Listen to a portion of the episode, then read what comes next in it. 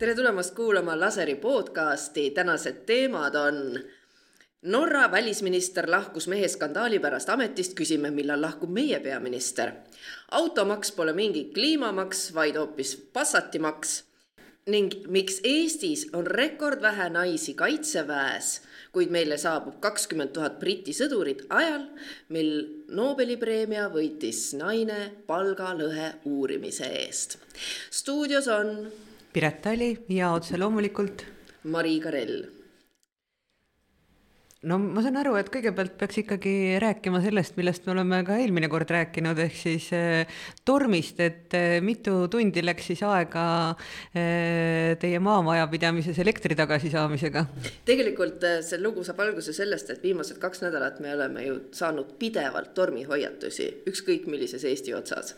ja kui me siin eelmine kord rääkisime sellest, et ERR ei ole olnud oma ülesannete kõrgusel ja teavitanud inimesi sellest, kus nad saavad saavad infot selle kohta, millal tuleb elekter tagasi, kus on võrgud maas, siis äh, mõttevahetusel Erki Vaikrega selgus, ta on sama meelt. Erki Vaikre on nimelt Eesti kõige tuntum ellujäämiskoolitaja ja ta on rääkinud viimased viisteist aastat sellest, et inimestel peaksid olema kodus varud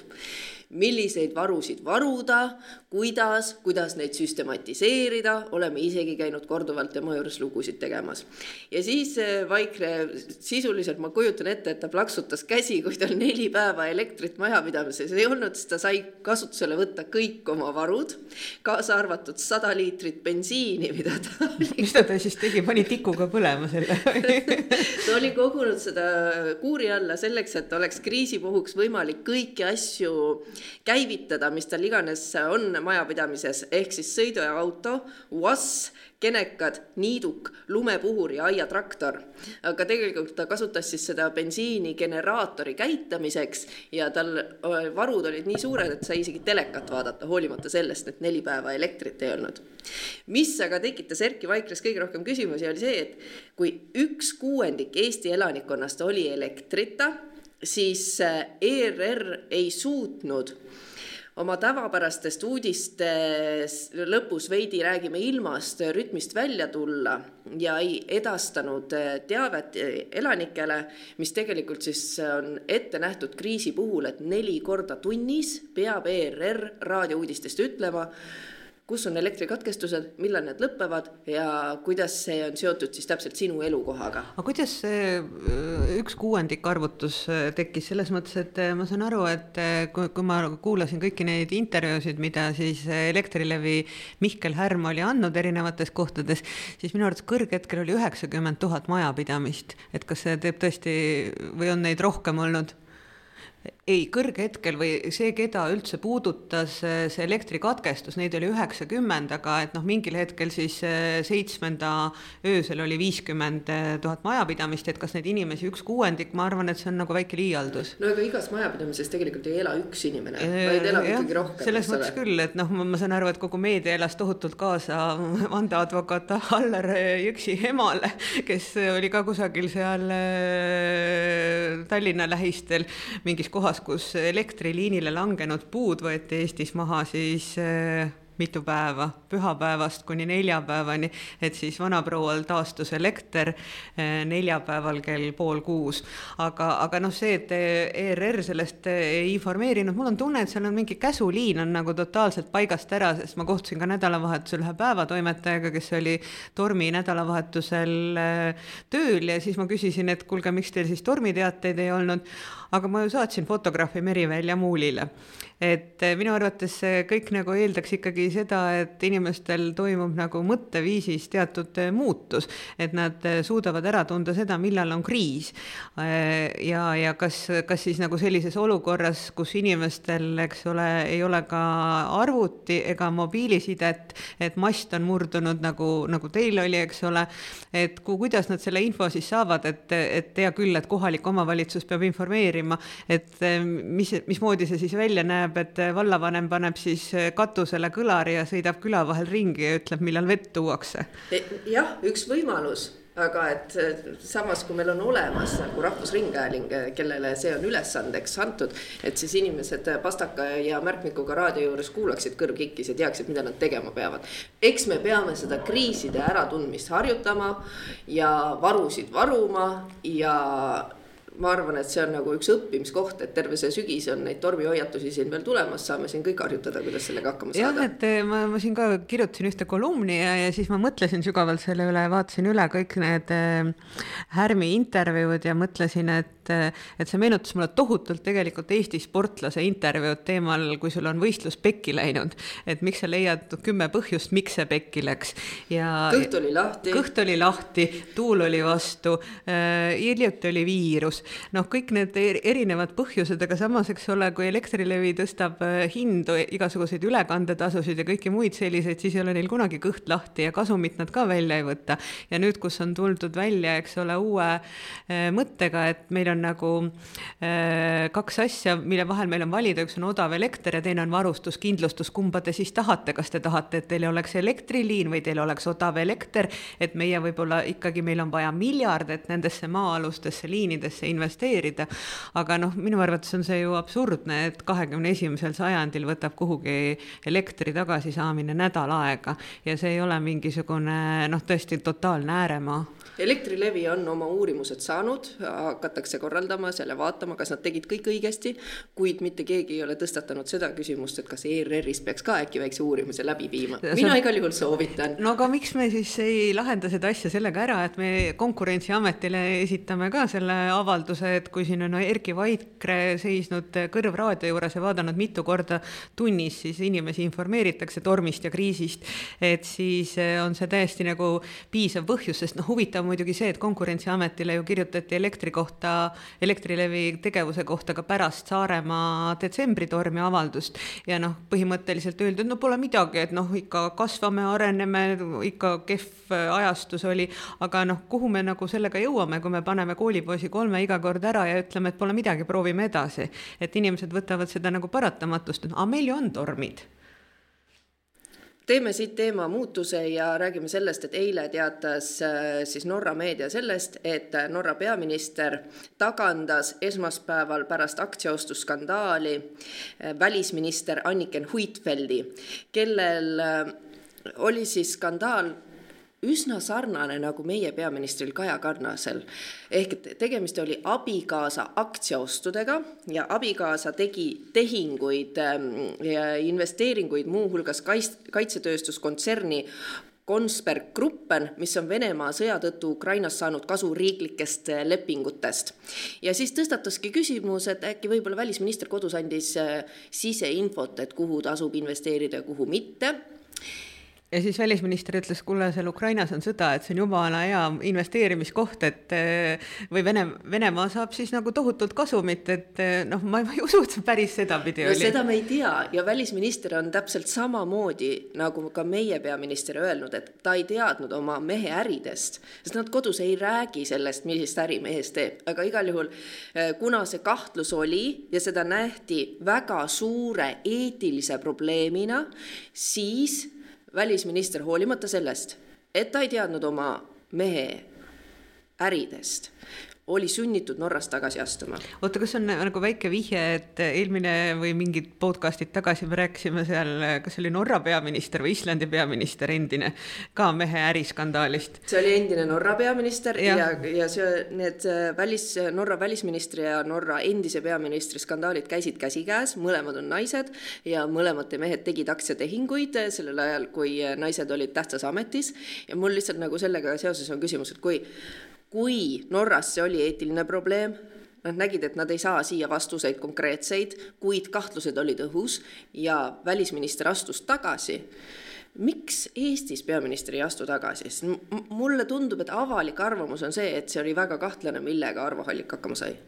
no aga teisest küljest on ka võib-olla see, et tema koduerakond, ma saan aru, et välisministri Norras kutsus ka tagasi tööpartei, sest mainekahju, mis sellele parteile toimus, et see üksnes aktsiatehing ei olnud selle ainus põhjus, et pigem oli küsimus nagu mainekahjus, aga aga kui praegu mõõta mingisugustesse rahalistesse väärtusesse Reformierakonnale tekitatud mainekahju, noh siis viimased äh, avaliku arvamuse küsitlused näitavad seda, et Reformierakonna reiting kukub kolinal ja uueks peaministriks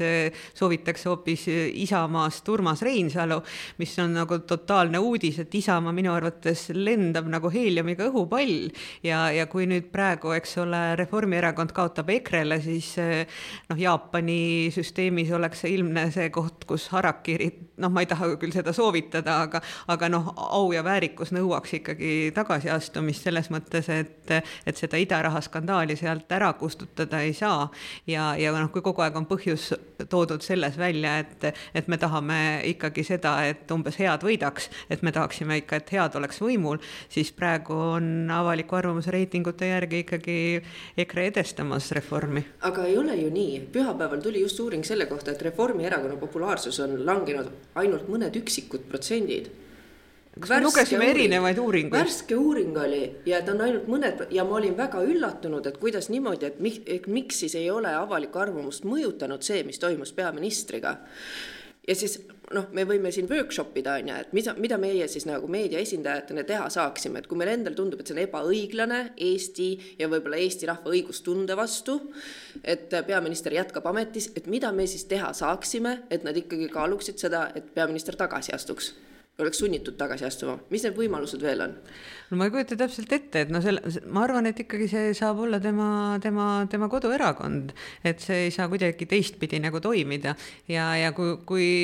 sa tegid, eks ole, moraalsest kompleksist lugu ja ma sain aru, et erakonna jaoks ei ole mingisugust eetilist ega muud probleemi, et eh, nemad ikkagi usaldavad seda, kuigi minu arvates sealt loost käis ka see läbi, et, et kes selle info üldse meediale lekitas, et kas see oli ka erakond või ei olnud, et, et kuidas sellega on, aga, aga et noh, kui hakata võrdlema teisest küljest eh,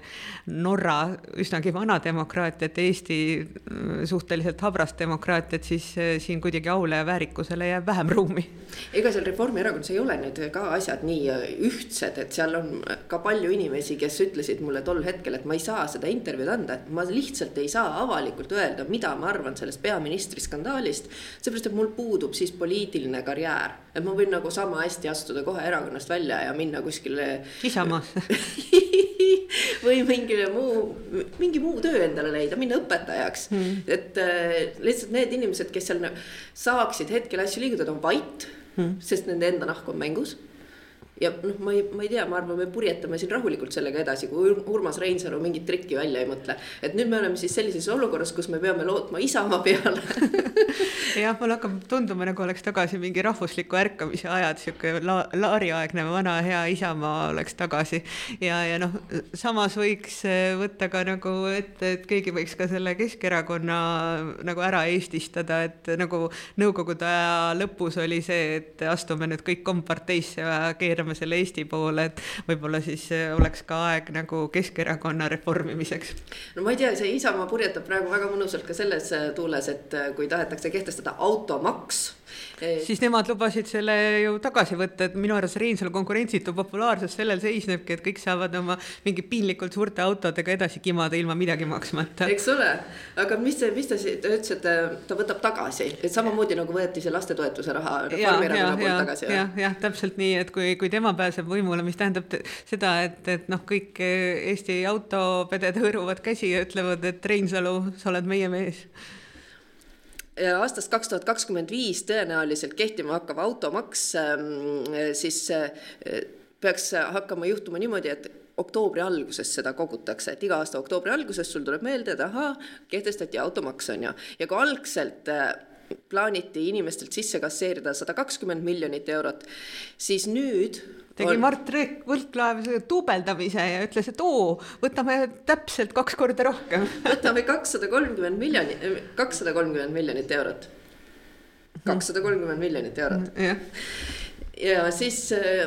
küsimus ongi, et noh, et kuidas nad selle raha kätte saavad. Ja siis äh, igasuguseid automaksukalkulaatoreid on ju välja arvutatud on ja võite võrrelda, kas sina panid oma isiklikku majapidamisse kuuluva auto sinna sisse, sa ei teada, palju see maksma no meil on antud juhul veel kolm autot, et no see, et selles mõttes, et su, su, su, suures hirmus, et üks on, peab tunnistama, noh, arvestades seda, et alguses oli jutt sellest, et maksustatakse romud ja siis ma mõtlesin, et kes tahab minu isa mm, Ford Escorti ära osta, millel on katuseluuk aastast üheksakümmend kaks ja millega ma olen suvel alati Kihnus rõõmsalt sõitnud, uksed enam kinni väga hästi ei käi, aga ülevaatuselt läheb hästi läbi. ja, ja nüüd tundub, et vaene Escort saab nagu veel kõvasti eluiga juurde. aga, aga noh, see uus auto saigi selle mõttega soetatud, et, et võib-olla hiljem enam ei jaksa. või siis teine variant, et, et, et maksud lähevad soetamisel nii suureks, et ei ole nagu mõtet. aga, aga, aga jah, tundub, et, et ei lähe maksma nad isegi kokku need pannid nagu suurt väga palju, et mingi kakssada või kolmsada eurot aastas, et ma arvan, et see on nagu päris õiglane hinnata neid autosid nende suuruse ja mahu järgi. no meil on kuusteist aastat vana Saab mm., millel on ka see probleem, et vahel uksed ei lähe kinni ja vahel ei lähe lahti, on ju. meil on Alfaga sama probleem, et aeg-ajalt elektrisüsteem, aga ma ei usu, et seda keegi tahab osta. nii, ja siis me arvutasime välja, et selle vana panni eest me peaksime maksma kaheksakümmend eurot umbes aastas automaksu, on ju. Absoluutselt igasugune motivatsioon uusi autosid soetada kadus sest et kõige soodsam on selle vana panniga purjetada jätkuvalt edasi, maksta see kaheksakümmend eurot aastas, okei okay,, saame aru, tahame nagu mingit eh, kliima asja siin ajada, on ju. Mm. aga mis mind ajab närvi selle asja juures, on see, et tegelikult see automaks ei ole kehtestatud selleks, et eh, siin kuidagi kliimakriisiga võidelda, vaid see on kehtestatud selleks, et me saaksime ära kaotada siis ehm, vahva selle astmelise tulumaksu. jah. jah, maksuküüru. maksuküüru saaksime ära jah. kaotada, on ju. nii, sellepärast, et äh, kui me tahaks nagu tegelikult ka sellist kliima eesmärki ajada, siis sellest CO2 me peaks kokku koguma oluliselt rohkem. et me kogume umbes neli korda vähem CO2 kokku selle automaksuga, kui me peaksime koguma selleks, et Euroopa Liidu siis nagu mingisugustele standarditele vastata, on ju. seda esiteks. teiseks see automaks on praegu, see, see on, mina nimetaksin seda Passati maksuks. miks Passati maksuks? sellepärast, et kõige rohkem on inimestel Eestis vanasid Volkswagen Passateid. ja Reformierakond ei tahtnud lihtsalt neid inimesi närvi ajada. ja Need siis... ei ole Reformierakonna valijad, kes seal Võru ja Põlva vahel selle Passatiga sõidavad, Reformierakonna valijad sõidavad linnamaasturiga Stockmanni ja Kaubamaja vahel vahet ei ole, aga umbes kolmkümmend protsenti Eesti autodest on vanemad kui viisteist aastat. ja on, on. ja siis noh, sa lihtsalt ei saa teha seda, et sul nagu kolmandik eestlasi on super vihased, et nad peavad palju maksma, on ju, siis. no aga minu arvates on see ikkagi, tegu on luksusmaksuga ja see on äh, suhteliselt õiglane, sest näiteks äh, kui mina olen sunnitud, noh, me sõidame väikeste autodega äh, kusagile parkima ennast kahe nagu piinlikult suure Range Roveri vahele, siis tekib mul küsimus, et mida nad teevad linnas, mida nad teevad poeparklas ja, ja kuhu nad Eesti piires sellega sõidavad. noh, et minu arvates on täiesti õige, kui nad võtavad nii palju ruumi, kulutavad nii palju kütust, et need sellised autod ka maksavad rohkem. et noh, ma saan aru, et nüüd on aktiviseerunud tohutult mingid lapsevanemad, kes ütlevad, et neil ongi vaja minivänni ja, ja umbes, et see on väga ebaõiglane, et eh, sellised eh, suured ja võimsad autod on maksustatud ja, ja see paneb ikkagi tohutu löögi.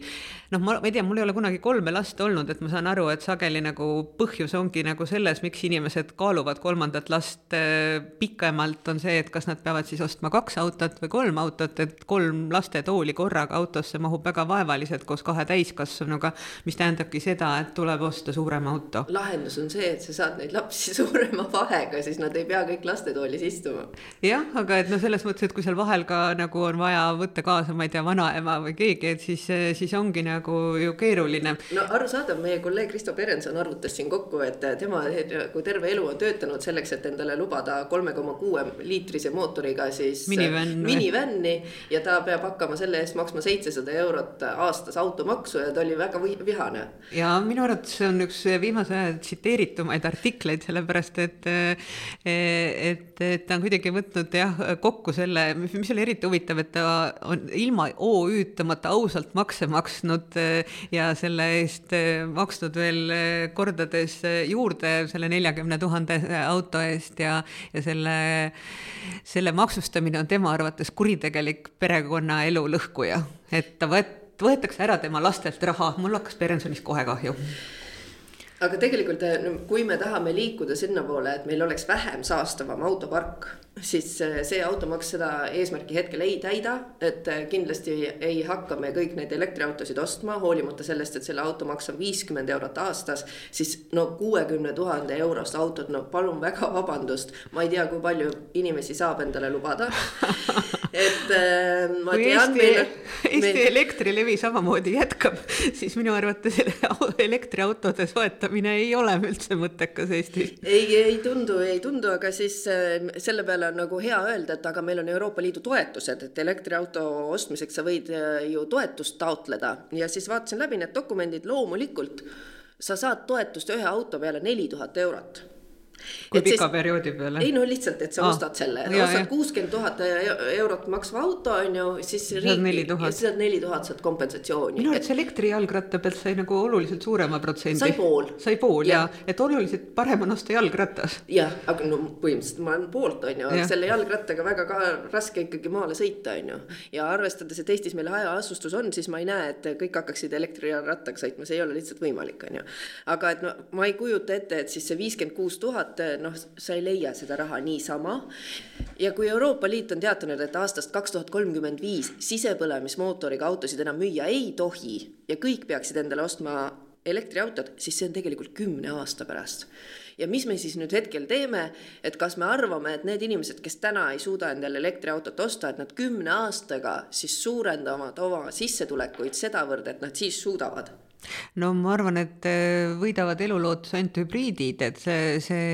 ei ole meie selles energiasüsteemis jätkusuutlik. ei, need on ka jumala kallid. ei no need äh, mingid poolhübriidid, et, et noh, see, mille me lõpuks pärast pikka kaalumist ostsime, minu arvates oli just nagu probleem selles, et äh, et kui sa elad linnas kortermajas, et siis on selle elektriauto haldamine seal väga keerukas. võimatu, see esiteks meil puuduvad meetmed selleks, et inimesed jaksaksid neid autosid endale osta, on ju. ja teiseks sa ei saa neid neid tankida, nad on ka ja, ja siis läheb Eestis, eks ole, kolmeks ööpäevaks elekter ära. ja teiseks sa ei saa siis äh, neid elektriautosid äh, kuskil tõesti laadida, sest et elektriautode laadimispunktid linnas on äh, väga algelisel tasemel, neid punkte ei ole, sul ei ole kuskil oma autot laadida, meil on siin metsikul hulgal parklaid, aga tegelikult laadimispunkte on vähe, need ei ühildu ja viimased kümme aastat on muudkui räägitud, et seda peaks arendama, aga ei ole näha, et seda kuskilt arendama hakatakse. no et lõpptulemusena sul on imetore auto, aga siis sa istud selle tühja akuga kusagil võsa vahel ja, ja siis ei ole seda võimalik ju kuidagipidi seal hallata, et, et noh, ma saan aru, et bensiiniga võib-olla sõber tuleb kanistriga külla, aga mida sa siis elektriautoga teed, paned generaatori pagasnikusse või?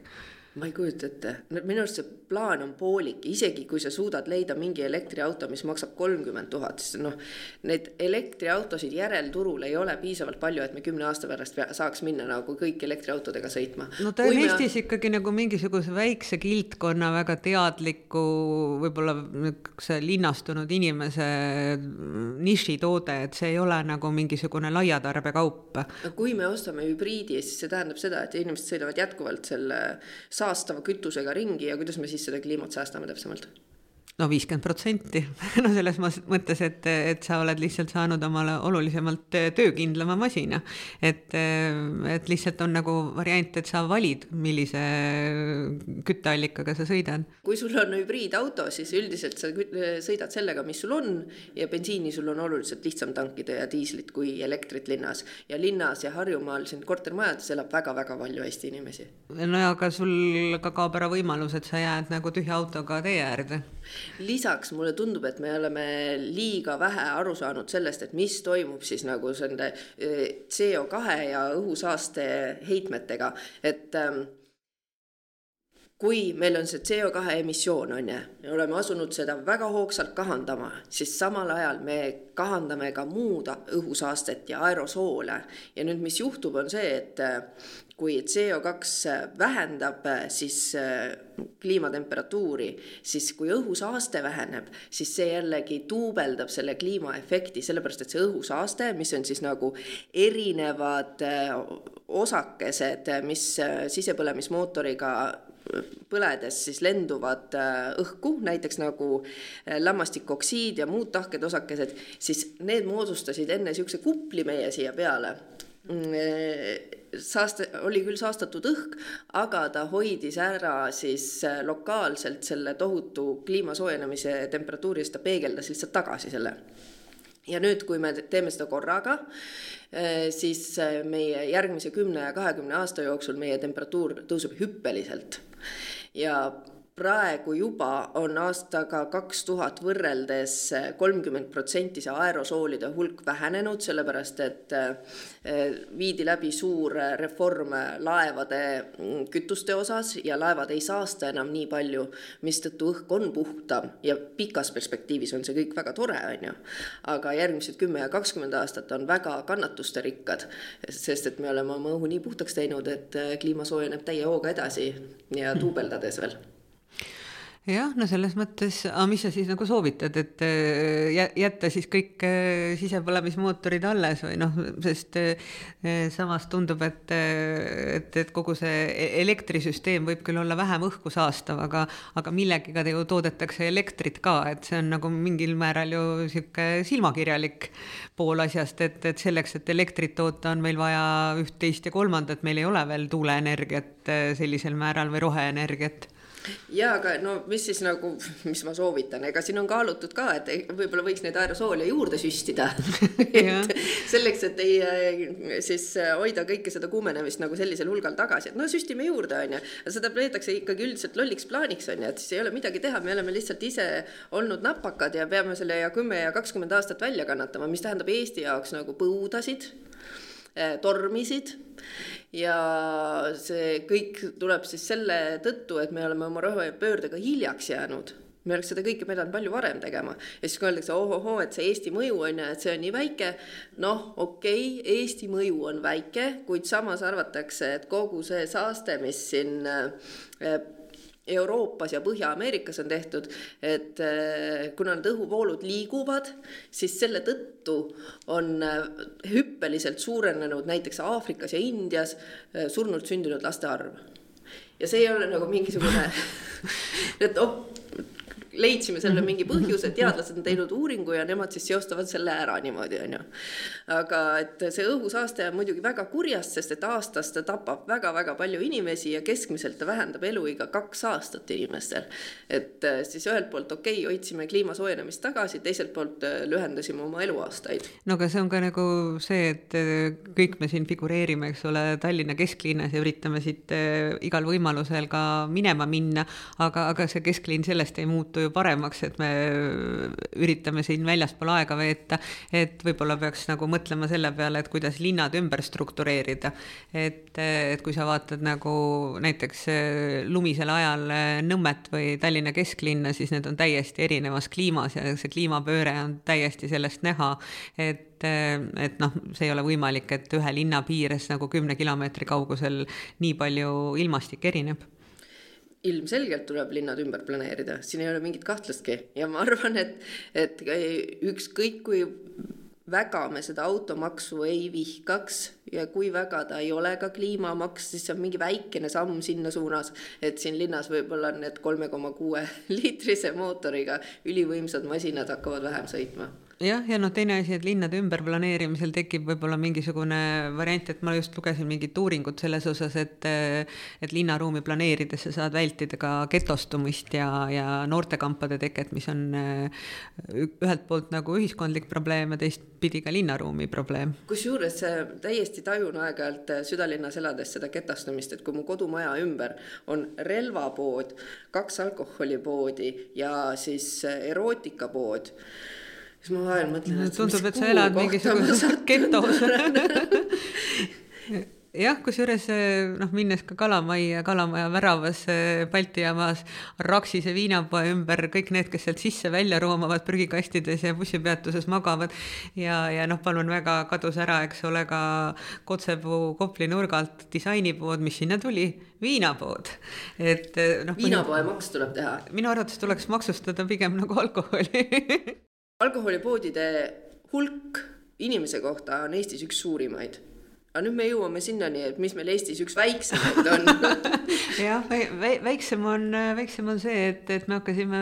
tegema uuringut eh, naistest kaitseväes ja siis selgus, et eh, kui NATO-s keskmiselt on nait-, naisi kaitseväes eh,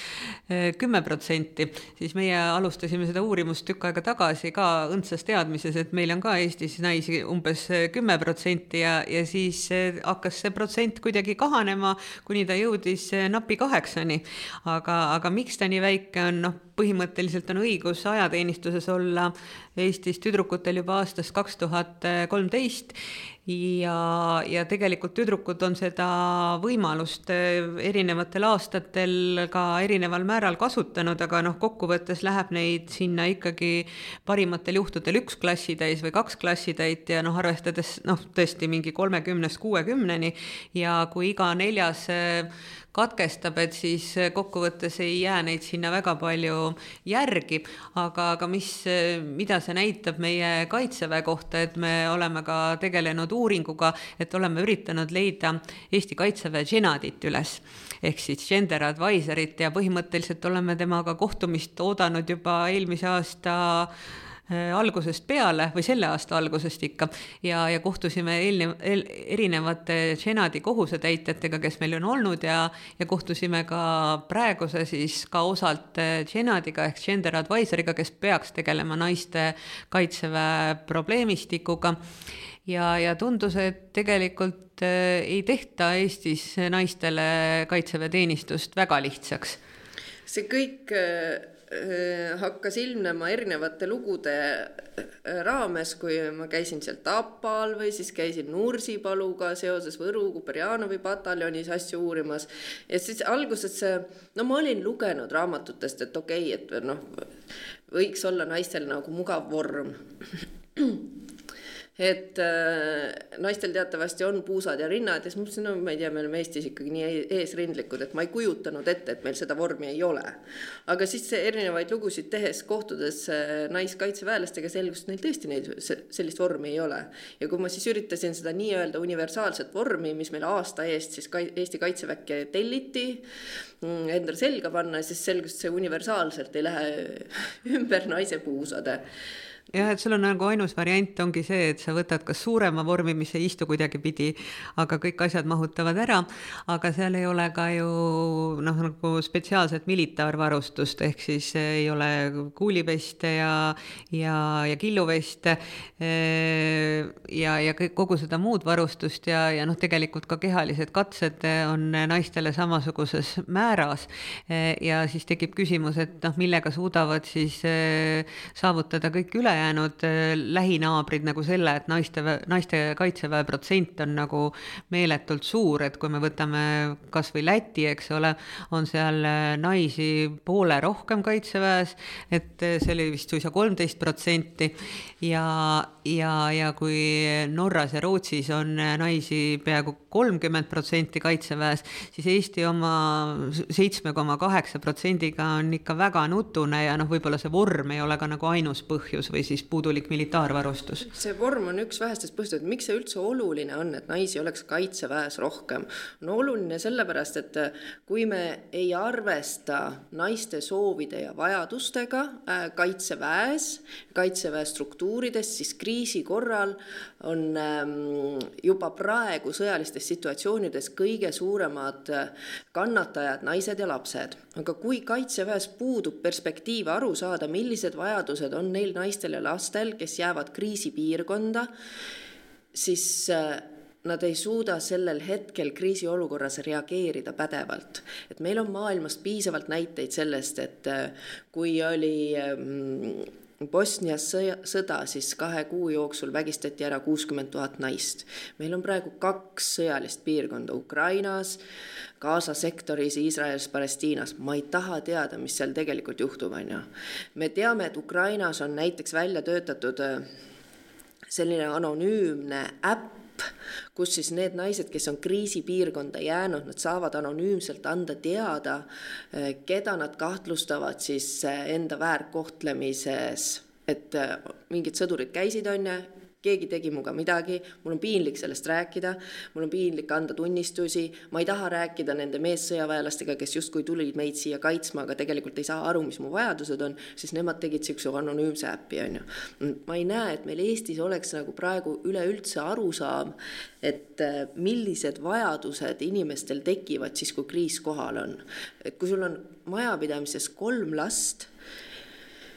siis see ei ole väga lihtne hakata sellest kriisipiirkonnast põgenema, kui sa oled sunnitud koju jääma, siis sul on vaja puhast vett. ÜRO on teinud kõikidele liikmesriikidele eh, selge suunise, et nad peavad kriisipiirkondades tagama sünnitusabi ja rasestumisvastaste vahendite abi, sest kahjuks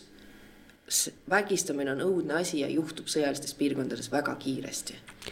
no selles mõttes on huvitav, et kui sa rääkisid erinevate ametnikega, kellest ka paljud olid naised, ka ühe siis eh, kõrgema naissõjaväelasega, kas ta oli siis kindralleitnant, kolonelleitnant. Kindralit meil ei ole, selleni me jõudsime ja, ja ilmselt ka nagu sellise, sellise süsteemiga ei tule mitte kunagi, sest või, või vähemalt ei tule ilmselt meie eluajal, sest naisi lihtsalt ei jõua Kaitseväe juhtkonnas kuigi kõrgele, sest ei ole nagu sellist ambitsiooni, mis tähendab seda, et ka naised jäävad oluliste Eh, otsuste tegemisest kõrvale. mitte, et, et noh, selle looga oleks eesmärk olnud eh, muuta naiste sõjaväeteenistus või kaitseväeteenistus Eestis kohustuslikuks, aga, aga et oleks nagu märkimisväärselt suurem eh, seltskond, kes saaks rääkida kriisiolukorras otsustes kaasa. ja noh, siis kui ütleb sulle, eks ole, tähtis Kaitseressursside Ameti peadirektor, et aga on ju olemas kodutütred ja naiskodukaitse. ja, ja noh, siis tekib küsimus, et, et kuidas see meid meid nagu elus edasi aitab. Ja, ja kaitseressursside direktor tegelikult on ise naine ja e, see on väga tore, et ta on jõudnud nii kaugele, olles naine sellel karjääriredelil. Ja siis ma küsisin talt, et kas, kui meil on kriis, et kas sa päriselt oled seal laua taga ja saad naisena öelda, millised on naiste ja laste vajadused kriisis on ju, et kas sa oled seal otsustajate laua taga, sest nagu selgus, siis kaitseväe gender advisor ei ole otsustajate laua taga, tema vahele jääb veel päris mitu astet eh, ja et need kõige tähtsamad otsused, kõige olulisemad otsused tehakse tegelikult eh, soolist perspektiivi silmas pidamata. siis kaitseressursside direktor ütles, et jaa, et ma ikkagi nagu väga sageli olen, on ju, sest küsimus ongi, et kui on kriis, siis eh, valitsusele nõu annab kaitsevägi ilma kahtluseta, seal laua ümber ei ole Naiskodukaitset ega Kaitseliitu ega kodutütreid ka ei ole, väikseid kaelarätiga nunnusid tüdrukuid, ei et sellepärast meil ongi vaja need süsteemid välja töötada siis, kui meil ei ole parasjagu see kriis veel kohal. et ma arvan, et praegu on tagumine aeg tegeleda eh, mis iganes tsiviilisikute kaitsega ja kui siis kaitsevägi ütleb selle peale ei, meil on selleks päästeamet on ju, siis sorry, aga sellel kriisi hetkel ei ole ka päästeamet seal laua taga, vaid seal on valitsus ja kaitsevägi. no samas, eks ole, me kohtusime ka terve hulga naissoost ajateenijatega, mõned olid neist juba jõudnud ka noh, järeldusele, et nad tahavad tegevväelasena jätkata. ja noh, see oli tõesti nagu imetlusväärne, et, et nad on sellest kadalipust läbi tulnud, et eh, noh, käinud eh, kolmekümne kilose seljakotiga sõduri baaskursustel, et on no, kogenud eh, e, veste, mis hõõruvad ja, ja teinud igasuguseid muid asju, elanud võib-olla mittesanitaarsetes tingimustes metsalaagris ja, ja, ja saanud sellega edukalt hakkama, aga see, mis mind üllatas, oli see, et neil ei olnud väga kõrgeid ambitsioone ja kuhu need ambitsioonid kadusid. või, või kas neid üldse on olnud? sest kui need, osad ju ütlesid intervjuus, et kui ma tulin, siis ma tahtsin jõuda palju kaugemale, palju kõrgemale, aga nüüd ma mõtlen, et ma olen päris rahul iseendagagi ja et ma, no ma, ma ei taha kõrgele, ma tahan veebliks saada või, või no ma, ma hea küll, et ma nüüd äh, mõtlesin, et ma lähen võib-olla sinna Kaitseväe õppeasutusse. ma võib-olla ei teagi, kas ma tahan jätkata, sest noh, tegelikult need naised, kes jõuavad Kaitseväkke, nende jaoks on see oluliselt teadlikum otsus kui nendega, kes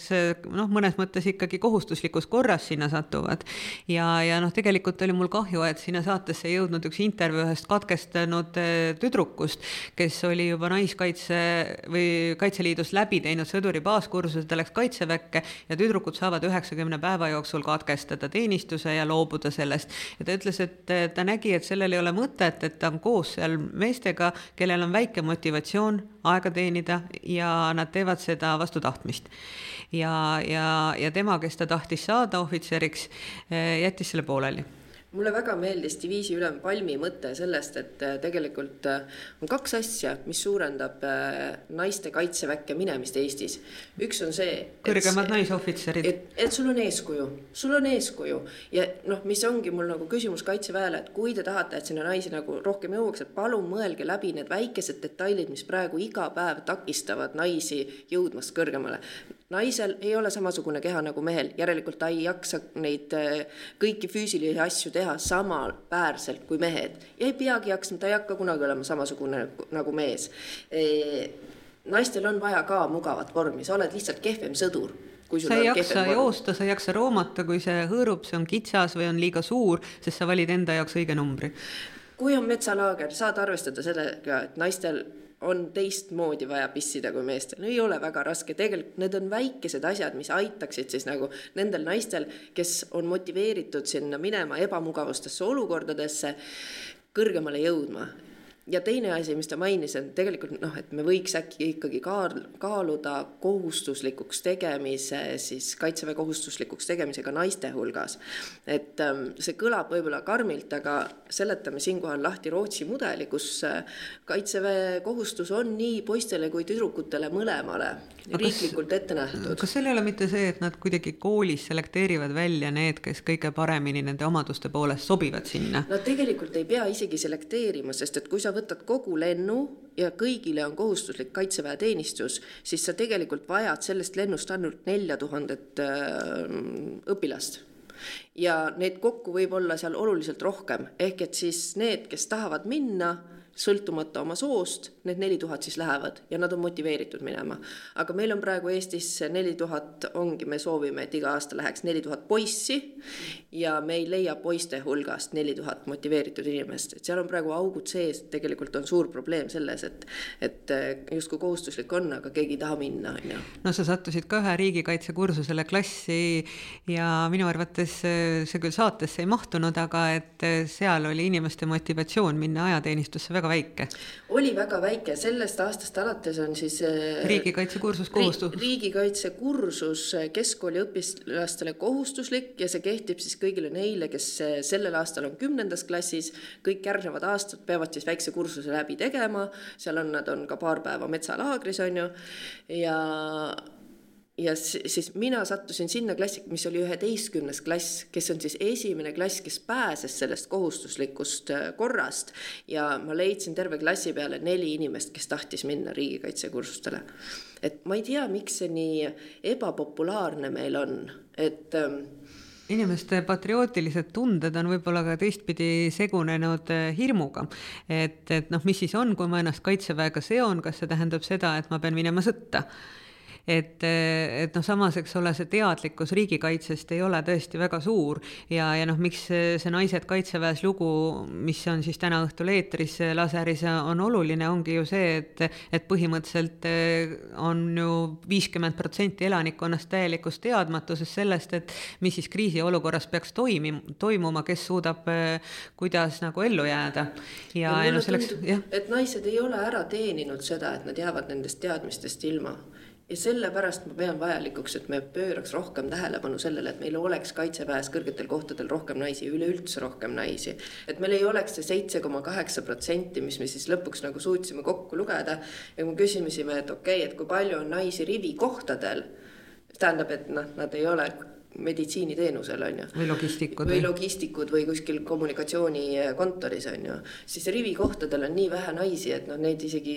ei ole võimalik nagu ühe protsendi peale kokku menetleda. no keegi ei tahtnudki neid väga eristada, et öeldi, et meil on see protsent nagu olemas ja noh, sageli on ju alanud see asi sellest, et kui eestla-, eestlased on käinud missioonidel, kas ÜRO või NATO-ga, siis tahetakse, et oleks selles äh, väeosas kindel protsent naisi, et see teeb igasuguse missiooni selles mõttes lihtsamaks et kui sa oled, ma ei tea, kus iganes Malis, Iraagis, et, et sa pead ka suhtlema kohaliku elanikkonnaga ja oluliselt lihtsam on ju suhelda naissõduri kui meessõduriga. et, et sealt see kümme, kakskümmend, kolmkümmend protsenti tuleb, aga, aga kui me seda nagu oma riigi sees ei suuda mm, tagada, et siis kuidas me viitekümmet protsenti elanikkonnast ja nende huve siis suudame esindada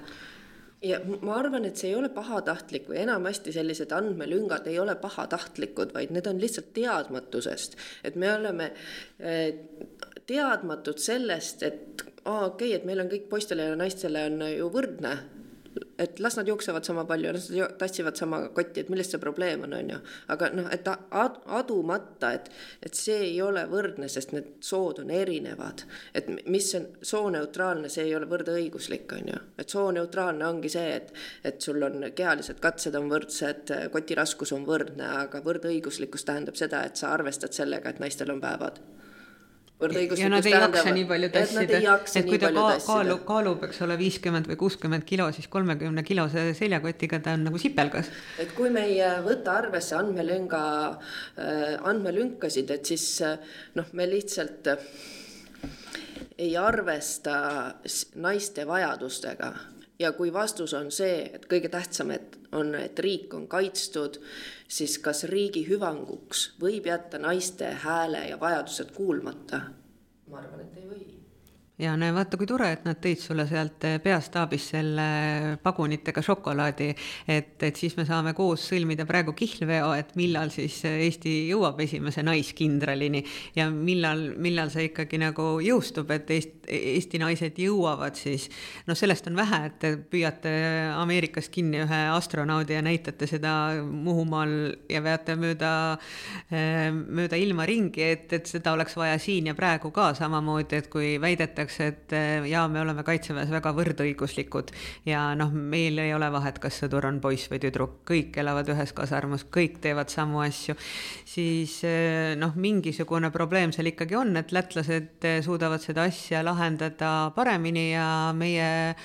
protsent eh, naistel kaitseväes on nagu nii väike, et noh, mõnes mõttes on see ka ikkagi poliitilise tahte küsimus. et eh, Hannes Hanso ajal hakati, kui ta oli kaitseminister, sellele oluliselt rohkem tähelepanu pöörama, nüüd ilmselt ei pöörata. lätlaste protsent on kuusteist koma viis versus siis eestlaste mingisugune seitse koma kaheksa, mis me suutsime kokku lugeda, et see on ju kahekordne vahe, eks ole. jah, on kahekordne vahe. aga mulle noh, tundub, et see, et jõustruktuurides on naised kõrgetel kohtadel, see mõnes mõttes siis noh, peegeldub ka ühiskonnas üldiselt, et sellel nädalal tuli uudis selle kohta, et Nobeli auhinna võitis äh, siis majandusajaloo uurija Claudia Golding, kes just nimelt uuris siis palgalõhe äh, mm, põhjuseid ja Eesti on äh, muuhulgas tuntud ka selle poolest, et meil on Euroopa Liidu riikidest kõige suurem palgalõhe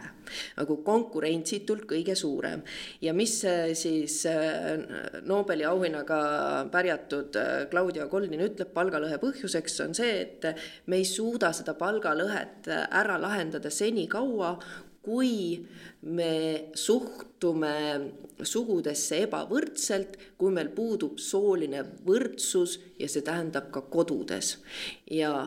praegu on see palgalõhe väga suur probleem seetõttu, et kodutööd teevad enamasti ära naised. ja kodutööd ei ole ainult nõude pesemine või pesu pesemine, vaid ka seda, et kui su laps tuleb koolikiusuga koju, siis keegi peab äh, teda lohutama, keegi peab panema plaastri põlvekesele, kui seal on marrastus, keegi peab minema selle kutsukesega arsti juurde kell kümme hommikul, et miks see peab alati olema naine ja keegi peab äh, kõikide vanainimeste eest hoolitsema,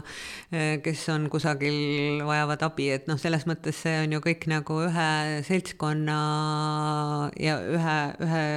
osa äh, kanda, aga noh, ikka ilmselt on täpselt see, et see, kellel on perekonna sissetulekusse suurem panus ehk siis kõrgem palk, sellel on ka ilmselt väiksem panus kodutöödesse. aga kuidas see loogiline on? see ei ole loogiline selles mõttes, et sa sellest samast kõrgest palgast võiks võtta ka ju, eks ole, lisatööjõudu. aga noh, Eestis on kuidagi naised olnud kogu aeg eh, palgatöös eh, väga kõrge protsendiga hõivatud. Eh, ja, ja noh, samas on peetud ka normaalseks seda, et kodus ei kasutata lisatööjõudu ja, ja keegi ei kavatsegi noh, omale palgata koristajaid või lapsehoidjaid sellisel määral. et, et naised ei oleks nagu kurnatud. aga et, et noh, seesama, milleni jõuab siis eh, palgalõhe uurija, ongi see, et, et, et noh, oluline on naiste juures olnud esiteks eh, paljunemise kontrolli alla saamine rasestusvastaste vahenditega, see, kui palju ja tihedalt nad on perekonnaga seotud ja kui palju neil on lapsi et, et noh, see mõjutab kogu, kogu nende suhtumist tööturgu, et noh, näiteks minu arvates on väga ebavõrdne võrreldes noh, minu vanaema kolmekümnendatel aastatel eh, oli töötav naine, mis ei olnud väga tavaline, et ta töötas relvaarsenalis raamatupidajana ja selleks, et keegi tema lastega tegeleks, tal oli kolm palgalist töötajat. kes need olid tal? Eh, lapsehoidja oli, eh, teenija oli ja pesupesija ja proua, proua tuli kell kolm äh, päeval või kell kaks päeval tuli koju lõunale, lõuna oli, sõi perega lõunat, läks tööle tagasi. Et äh, minu arvates on see nagu väga mõistlik korraldus töötava naise puhul, kuigi noh, tänapäeval feministlikust äh, vaatevinklist äh, võib-olla see ei ole väga õige nagu ei, palgata lisatööjõudu. vastupidi, see on väga õige, sellepärast et sellega sa annad teistele naistele ka tööd. et siis nad ei pea nagu kodus tegema tasuta tööd, vaid nad saavad neid samu asju teha palga eest ja see lõppkokkuvõttes tõstab kogu riiklikku SKP-d, sellepärast et nende palgarahast lähevad ka maksud riikidesse, see on tegelikult nagu kasutamata ressurss aga mulle tundub, et ühiskondlikult me oleme nagu nii eh, kuidagi taha jäänud sellest, et kuidas neid kodutöösid jaotada, et mulle meenub üks sõprade lugu, eh, siis ehm, tütarlaps Eestist hakkas koos elama noormehega Rootsist kolisid kokku ja kolmandal päeval ilmus noormees mopi ja tolmuimejaga uksele ja siis tüdruk tundis ennast tohutult süüdi, ütles, et kas ma olen nii räpakas, et sul ei kõlba siin elada, siis pidid hakkama siin koristama, onju. mille peale rootslane teatas täiesti iseenesestmõistetavalt, et ei, aga ma elan siin, see on normaalne, et ma ka koristan mulle väga meeldis, et üks minu sõber abiellus šoti mehega ja kuna tema isa oli vene rahvusest, küsis šotlase käest oma halvas inglise keeles, mis mõttes sa köögis nõusid ütles, et tule joome elutoas viina. et, et selles mõttes nagu mehe roll on äh, nagu siinkandis üsnagi üheselt mõistetav, et noh, ma ka ei arva, et kõiki kodutöid tuleks nui neljaks nagu pooleks jagada, et noh, kokkuvõttes pole vahet, et kes need ära teeb, põhiline, et keegi teeb. kas see, kellel on aega või noh, et on ka ju majapidamisi, kus nagu kõik asjad loetakse nagu ajaliselt ja mahuliselt äh, pooleks, aga noh, pigem on nagu probleem selles, et Eestis äh, alahinnatakse naiste professionaalsust digitaalseid oskusi, sest mulle meenub, et mul on üks tuttav erakordselt kena välimusega mm, majandusmagistrandist või nüüd ta on isegi doktor äkki, ja kui ta ööklubis tutvub uue mehega, siis ta ütleb, et ta on küünetehnik. sellepärast, et muidu mehed jooksevad ära. jah, just no mulle tundub, et see kodutööde mm, asi hakkab lahenema siis, kui võimalikult palju naisi saab juhtivatele kohtadele erinevates elektroonikafirmades, kus nad lihtsalt siis ühel hetkel töötavad välja abilised, robotid, kes teevad kodutöid. sest roboteid meil on kõikideks asjadeks, aga me ei ole isegi jõudnud sinnamaani, et turvavöö oleks rasedatele naistele turvaline ja ei jookseks üle kõhu risti. no ühesõnaga, me jääme nüüd ootama ai-d, kes peseb nõusid ja võtab vastu koolikiusu teemalisi kõnesid seniks aga vaadake laserit äh, TV3-st, äh, kuulake meie podcasti ja vaadake, leidke Youtube'ist üles Lasertech mis on meie sõsarkanal ja kus on väga palju ägedaid noortele meel-, mõeldud teemasid. ka vanadele vaatan rõõmuga